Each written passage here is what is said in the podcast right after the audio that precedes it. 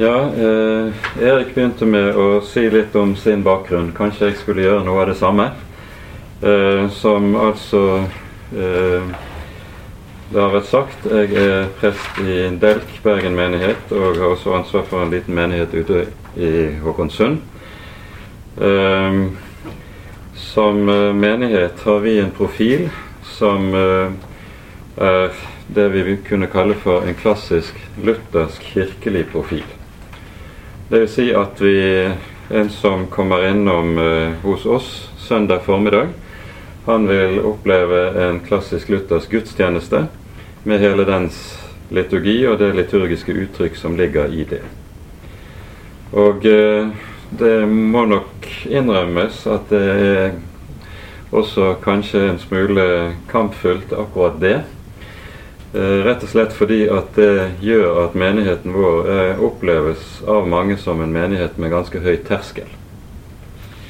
Og nettopp det som har med terskel å gjøre, er et uh, viktig uh, stikkord, tror jeg, i en del av det vi skal uh, snakke om i kveld. det er jo nemlig sånn at den møteform eller gudstjenesteform en forsamling har, det representerer på mange måter forsamlingens ansikt utad. Eh, det gir forsamlingen dens identitet. Og eh, derfor er det ganske mye som avgjørende som ligger gjemt akkurat når det gjelder det punktet. Vi har altså valgt en vei som skiller seg fra den veien som eh, flertallet av både kristne organisasjoner, de lutherske organisasjonene, har valgt, eh, også i bergensområdet, og også flertallet av eh, frikirkene har valgt eh, på dette området. Og det er nokså eh, bevisst valg som ligger bak det. Jeg skal ikke si mye om det. Men dette er litt om det som er vår setting og vår vei oppi dette bildet. Um, jeg tror det er ganske riktig, sånn som uh, Erik Furnes var inne på i begynnelsen av sitt uh, innlegg, at noe av det som vi har oppe som tema i dag, det er utgangspunkt i noe som er et byfenomen i veldig sterk utstrekning. På bygdene er det i stor grad bare vanligvis ett bedehus. Kanskje også en kirke, men eh, på bygdene er det jo flere bedehus enn kirker. Og eh, da er det ett samlingspunkt for de troende. Men i byen så står man overfor et religiøst supermarked. Det er pick and choose. Og eh, det som, så langt jeg kan begripe, har blitt Eh, mye av situasjonen i eh, de større byene etter hvert, det er at du har fått en kristen ungdomsgenerasjon som fluktuerer. Eh, man går en lørdagskveld i en forsamling, en annen lørdagskveld så er man et annet sted. En tredje søndag er man på et tredje sted, og så er det egentlig ikke slik at det oppleves som det er vesentlige forskjeller mellom det som foregår det ene eller andre eller tredje sted. Um, og I dette så ligger det en praktisk økumenikk. Jeg tror ikke alltid den er veldig nødvendigvis er veldig reflektert. Men det fungerer som en økumenikk der konfesjonsgrensene bygges ned. Og det fungerer som en økumenikk der en etter hvert ser konturene av det en kan kalle for en dogmefri eller dogmeløs kristendom. Um, og det tror jeg, uh, ut fra mitt ståsted, uh, en ganske problematisk faktum ved en del av det som i dag foregår i kristne ungdomsmiljøer. Eh, disse, dette uttrykket, eller denne, dette fenomenet, det kommer gjerne eh, spesielt til uttrykk ved litt større evenementer i, eh, og, og eh, arrangementer i ulike sammenhenger. I Bergen har man Jesusfesten, som er en sånn årlig felles arrangement eh, mellom en rekke, der en rekke ulike trossamfunn og organisasjoner går sammen. I Stavanger har du Imi-kirken, som arrangerer sitt impulsarrangement. Eh, I Tønsberg har du dette som kalles for Get Focused. Eh, og Felles for alle disse er at eh, de er uttrykk for den samme felleskristne eh, eh, Dette felleskristne trenden som man ser i store deler av ungdomsmiljøene. Det som i veldig stor utstrekning er fellesnevneren eh, bakom dette, er det at det i stor utstrekning også er samme møteform som man finner i de ulike sammenhengene. I veldig stor utstrekning så er det de samme sanger eller lovsanger som synges. I veldig stor utstrekning så er det eh, selve møteformen relativt lik. Og eh, etter det jeg har kunnet bringe i erfaring, så er det også i stor utstrekning temmelig lik forkynnelse som lyder i de ulike sammenhengene. Enten man går i eh, den ene eller det andre trossamfunn, så lyder den forkynnelsen som kan, eh, en kan høre, den er, det er svært liten læremessig forskjell på det. Og så står vi da overfor dette som du nå kan kalle for en type ungdommelig økumenikk. Det er en møteform som etter hvert er blitt temmelig allmenn i svært mange frikirker og organisasjoner, har vesentlig hentet sine kilder på tre ulike eh, Eller du har tre ulike inspirasjonskilder her. Det ene er den karismatiske vekkelsen, som har sin særlige uh, møteform som er karakteristisk for denne. Uh, det andre er den moderne musikkulturen, som uh, har vokst frem, og gjerne i meget tett samvirke med den karismatiske bevegelsen. Og det tredje som må nevnes, det er kirkeveksttenkningen, særlig slik som den er kommet til oss fra amerikansk mark. Alle disse tre uh, inspirasjonsfaktorene ligger til grunn for mye av for, for, det vesentlige av det man finner i disse møteformene. Og Det som ser ut til å være en stor grad av fellesnevneren oppi dette, det er en, det jeg vil kalle for en pragmatisk tenkning. Som handler om hva slags møteform er det som vil trekke folk hva slags møteform er det som vil kommunisere? Og det er denne pragmatismen som styrer eh, overveielsene i dette eh, i veldig stor utstrekning, så langt jeg kan se, til fortrengning av teologisk refleksjon rundt det. Um, den pragmatiske uh, styringen av dette det er vesentlig bestemt av hensynet til ungdommen. Uh, I avisen Dagen, jeg vet ikke hvor mange av dere som holder eller leser den avisen, så var det for en, uh, noen i begynnelsen av januar et større oppslag med intervju av Egil Svartdal, en kjent pinsepastor, som har utgitt en bok om uh, menighetsliv og hvordan menighetsarbeid skal drives. Og han eh, stiller spørsmål eh, som en sånn innfallsvinkel til eh, hele måten å tenke på. Hvem skal få viljen sin når det gjelder det kristne møteform? Og han svarer helt entydig la barnefamiliene bestemme. Det er det enkle svaret fra pinsepastoren. Og så kommer han da inn på i fortsettelsen det som Eh, i forlengelsen av dette blir eh, en nødvendighet, eh, det er at menighetene må leve i kontinuerlig fornyelse. Og med fornyelse mener han da ikke det som ordet betyr i Bibelen, men han mener villighet til stadig nytenkning på det området som har med møteformer, med sang og musikk å gjøre. Og så har du i forlengelsen da av eh, særlig kirkeverksbevegelsen eh, fått den gudstjenesteform eller møteform som på amerikansk mark kalles for Seekers Service eller Contemporary Worship, eh, lignende betegnelser som kan anvendes.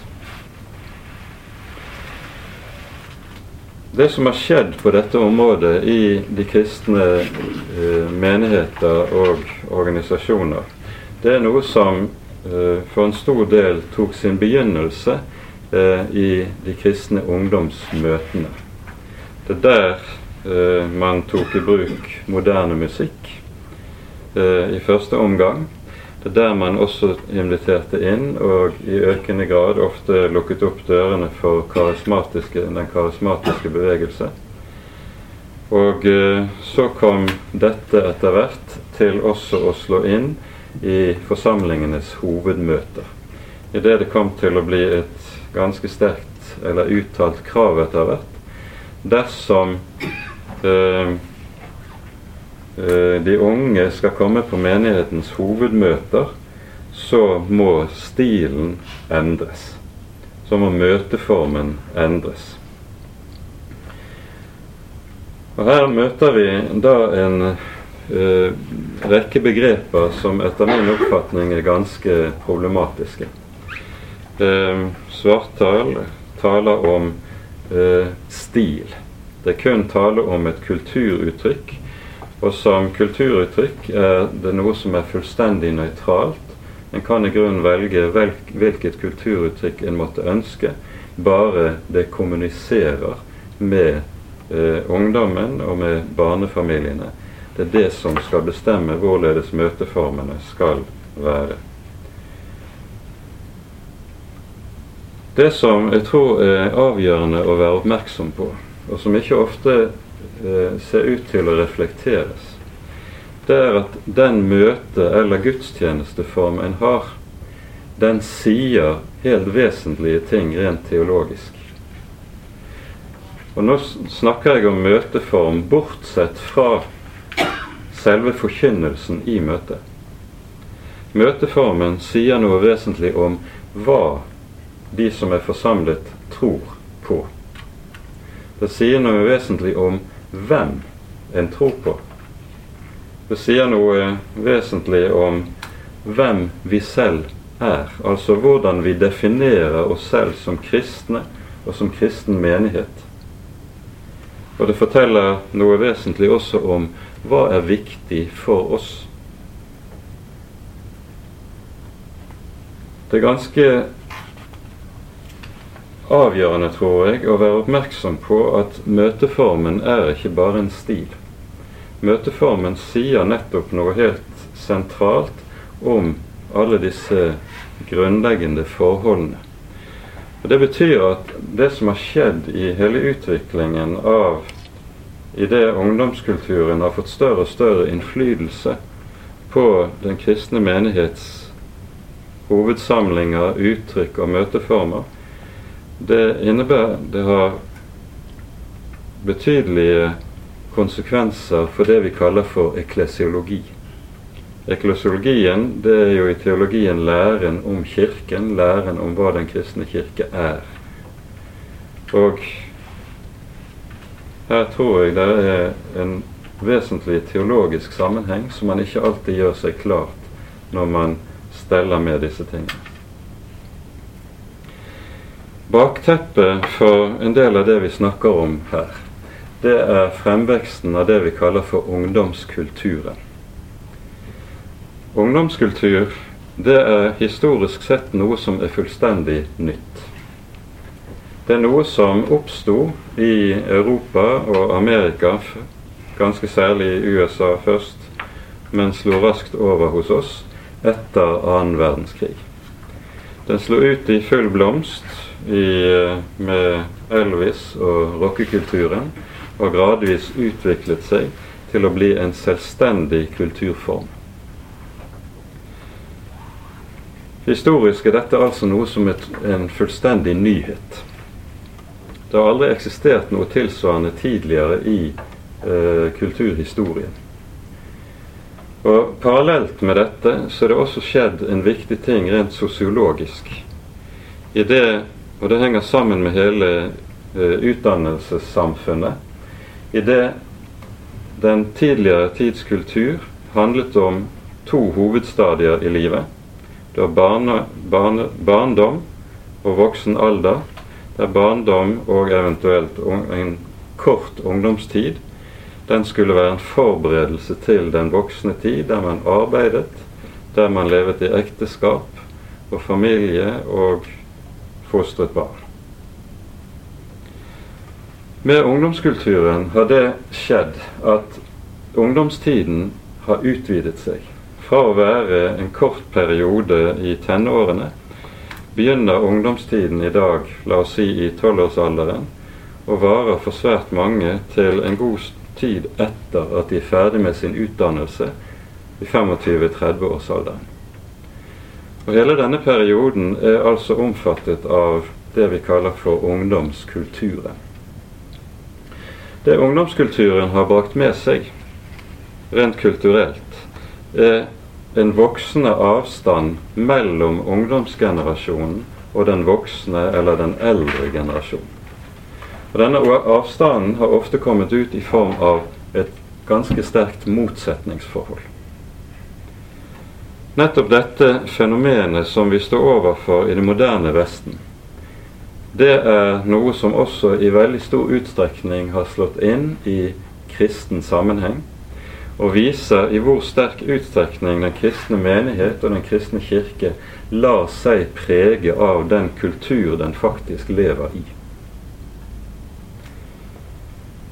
Så har vi da fått en kristen ungdomskultur som, la oss si fra 70-årene av og fremover, eh, har etablert seg stadig mer eh, fast og så etter hvert kommet i den posisjonen at den så begynner i økende utstrekning å prege den voksne kristne kultur som har kommet, eh, har kommet til uttrykk i menighetens hovedsamlinger på søndag formiddag. Og I dag har du sett en transformasjon hvor mye av det som da skjer i ungdomskulturen, er det som avgjør hvordan møteuttrykket skal være også i menighetens hovedsamlinger. Hva er det som kjennetegner ungdomskulturen? Det kan være veldig mange ting å sette fingeren på med dette. En av sakene som etter min oppfatning er ganske problematisk i dette, det er sånn at man nesten ikke tør å si det høyt i dagens samfunn, men Bibelen sier faktisk sitat fra 1. Peters brev. Dere unge skal underordne dere de eldre. I dagens kulturklima er det det motsatte som er skjedd. De unge krever at de eldre skal innordne seg etter deres smak og behag, og hvis ikke de gjør det, så sier de ja vel, da finner vi et annet sted å gå. Og i frykt for å miste de unge i frykt for at de nettopp skal gå andre steder, så velger de eldre da å tilpasse seg. Dette tror jeg er en del av det som er realiteten, og jeg tror det må sies. En annen sak som preger ungdomskulturen veldig sterkt, eh, og det preger for så vidt hele moderniteten på mange vis òg, det er det vi kaller for neofili. Det er hentet fra gresk det er to ord som er satt sammen. Neos, som betyr ny, og filos, som betyr kjærlighet til. Neofili, det betyr kjærlighet til alt som er nytt. For det som også har vokst frem med ungdomskulturen og hele den moderne kultur, det er det at mennesker har fritid. Det er noe som er helt nytt. Tidligere, fordi velstanden ikke var så høy som den er blitt i den vestlige kultur, så var fritid noe som var forbeholdt de rike. Det var forbeholdt adelen. De hadde råd til å ha fritid. Vanlige folk, fattige folk, de hadde ikke råd til å ha fritid. Men med at store deler av befolkningen har nok tilstrekkelig sterk økonomi til å ha fritid, så melder det seg et betydelig problem, nemlig kjedsomheten. Man må ha noe å fylle fritiden Og så kommer det til å vokse frem som er blitt en stadig mer dominerende faktor, faktor i hele kulturen. Kjedsomheten flykter fra stillhet. Den trenger å underholdes. Og så blir underholdningskulturen en helt avgjørende side ved den moderne kultur, og ikke minst ved ungdomskulturen. Og Når ungdomskulturen har slått inn i kristen sammenheng, har dette også ført med seg det som konsekvens at underholdningskulturens uttrykk i veldig stor utstrekning har også begynt å prege den kristne møteformen. Dette ser man ikke minst, og kanskje først og fremst, i bruken av musikk og den type musikalsk uttrykk som en finner i disse sammenhengene. Og jeg savner i veldig stor utstrekning refleksjon rundt nettopp dette problemet.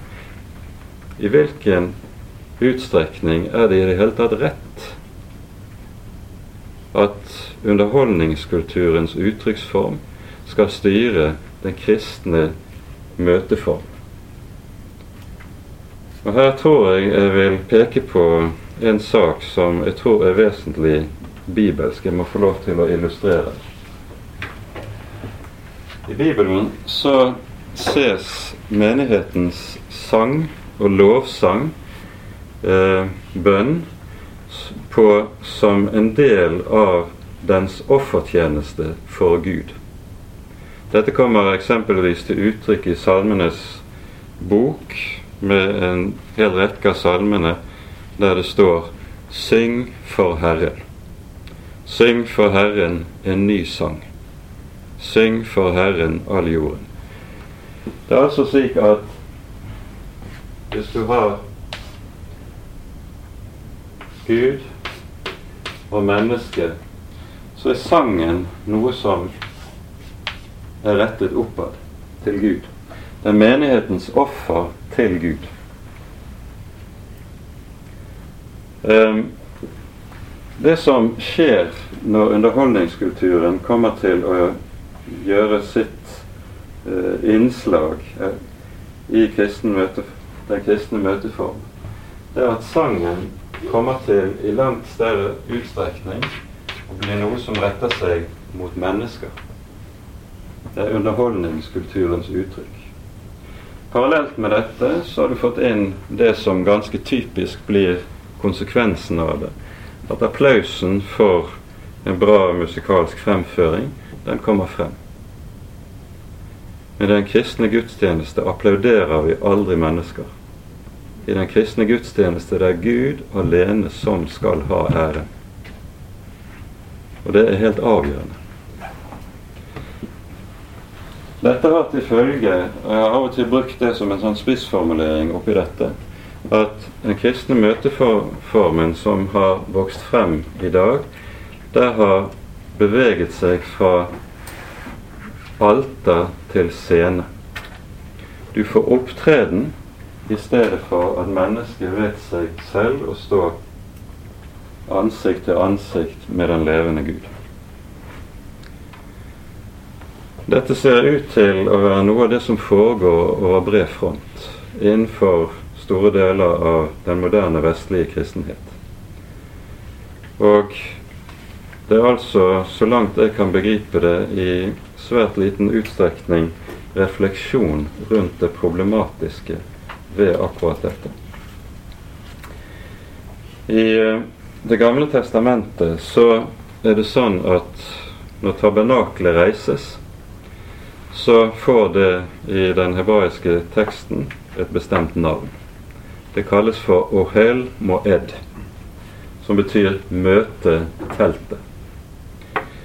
Og eh, poenget med betegnelsen er at det er det sted der mennesket møter sin Gud. Her, når man samles i Herrens hus, så samles man til møte med sin Herre, sin Gud og sin Skaper.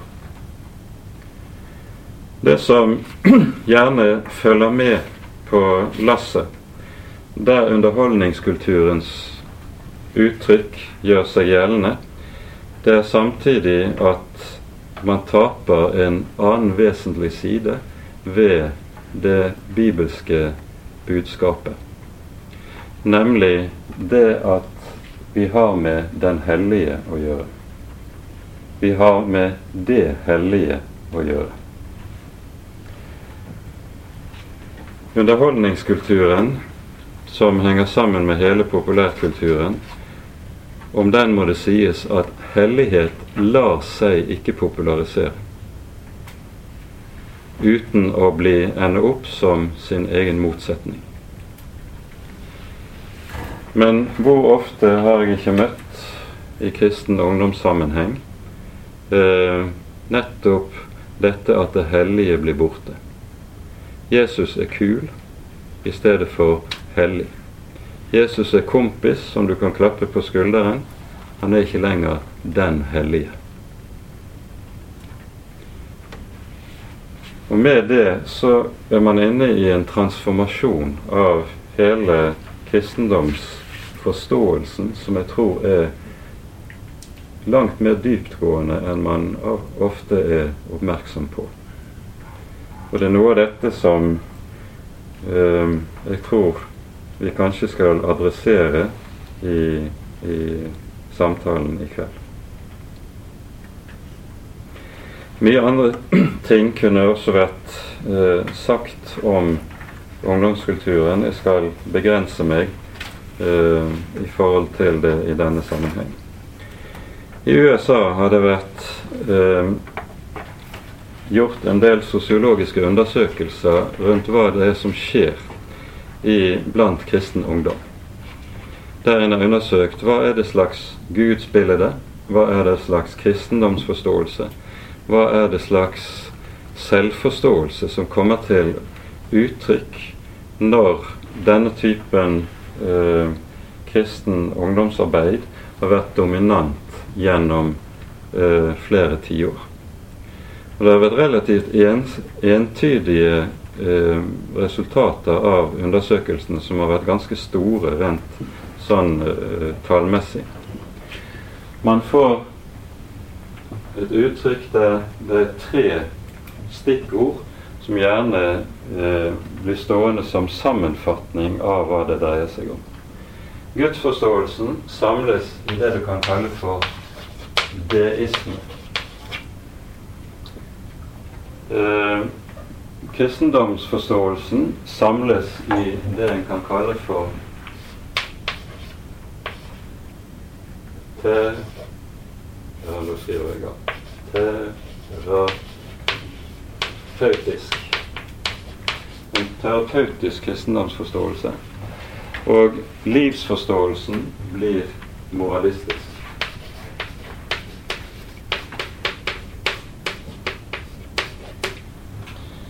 Um, ganske kort om hver enkelt av disse. Når det taler om deisme, så betyr det så, noe av det som uh, også Furnes var inne på mot slutten av sitt foredrag, at det ser ut til i veldig sterk utstrekning å være konsentrasjon om første trosartikkel. Gud er min skaper. Um, Gud har satt meg inn i verden, og fordi Gud har skapt meg, har jeg verdi. Jeg er verdifull. Når Gud har satt meg inn i verden, så har han også gjort det fordi han er så glad i meg at han vil at jeg skal ha det godt. Derfor er det også slik at eh, kristendomsforståelsen handler i veldig stor utstrekning om at Gud skal sørge for å hjelpe meg når jeg har problemer.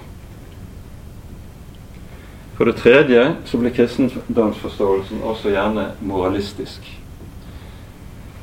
Uttrykk for det ser vi i ganske symptomatisk hvis du ser eh, tankegangen rundt møteform. Vi har vært inne på at en tenker pragmatisk om dette. Det betyr det som er det fremste hensynet som en styrer efter når en tenker rundt møteform, det er hva er det som trekker folk? Hvordan kan vi legge opp møtene for å holde på folk? Det er altså et misjonalt perspektiv. Og nettopp dette misjonale perspektiv, at det viktigste er det å nå ut, nå flere, kommunisere, det blir også noe av det vesentligste som blir lydende i eh, forkynnelsen. Og så kommer, eh, kommer forkynnelsen ofte til å ende opp på den måten at misjonering eller evangelisering ender opp med å bli åndelig trelldom. I det det er det som blir det avgjørende, men selve evangeliet om hva vi eier i frelsen, det ofte kan komme til å bli trengt i bakgrunnen. Dette er altfor kort. Det er stikkord som på lang, langt på vei helt sikkert kan være ganske provoserende. Men eh, jeg tror det er, kan være greit å Vi får si som en av de gamle professorene på MF. Jeg liker å sette saken på spissen, for der sitter han så godt. Og jeg tror vi med det setter punktum.